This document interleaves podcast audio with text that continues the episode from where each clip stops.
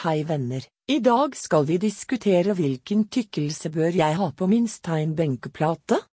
Steinbenkeplate finnes i ulike materialer slik som granitt, marmor, kompositt og keramikk. Vi anbefaler ikke marmor som kjøkkenbenk da det er porøst og lett kan få flekker. Mange ønsker seg en moderne og tynn benkeplate, mens like mange ønsker seg en luksuriøs og herskapelig tykk benkeplate. Les mer under om kriterier og anbefalinger når du velger kjøkkenbenkeplate og er usikker på tykkelse du bør velge.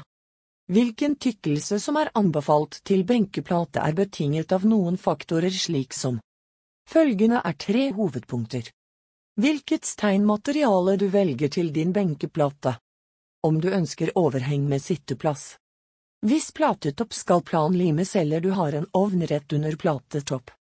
Tredje materialvalg, kompositt og keramikk benkeplate til kjøkken går igjennom en prosess når det blir laget av stein og mineralpulver som gjør at resultatet er en kompakt og porefri benkeplate.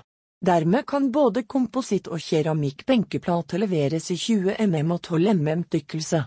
Det behøves ikke å velge 30 mm tykkelse benkeplate til kjøkkenet om kriteriene er en mest mulig solid benkeplate.